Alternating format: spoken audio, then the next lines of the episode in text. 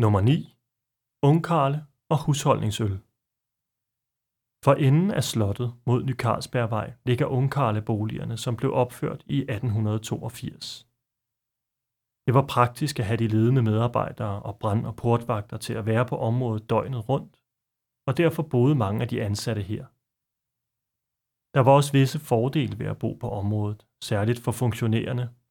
De fik husholdningsøl leveret hver måned, billig benzin fra Carlsbergs egen benzintank, husning af vinduer og dørskilt, samt hjælp til haven.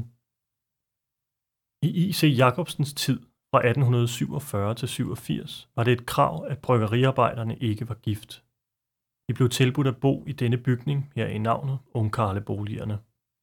Senere blev kravene lempet, der blev bygget større lejligheder i bygningen, og hele familier flyttede ind. Her boede portvagt Lauritsen med sin familie og deres chef og hund Bonzo.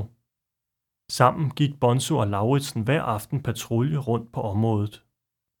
Hunden fangede tyve, som kravlede over hegnet om natten for at stjæle øl, og det blev en yndet sport for dem, som boede på området at lege detektiver sammen med Bonzo.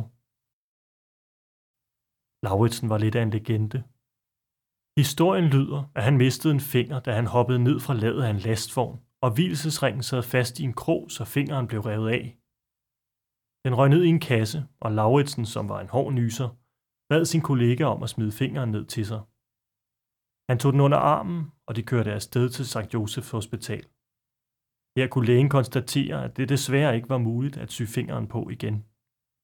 Det rystede ikke den gave portvagt. Han sagde bare, det er også lige meget. Jeg skal bare have den med hjem til Bonzo.